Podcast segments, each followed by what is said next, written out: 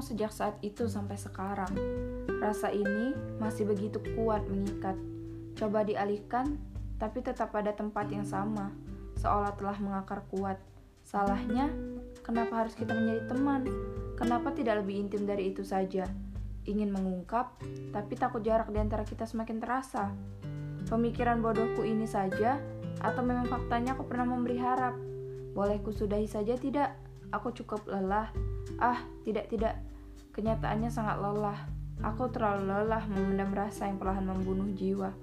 Atau bolehkah aku minta kamu pergi dari sudut hatiku?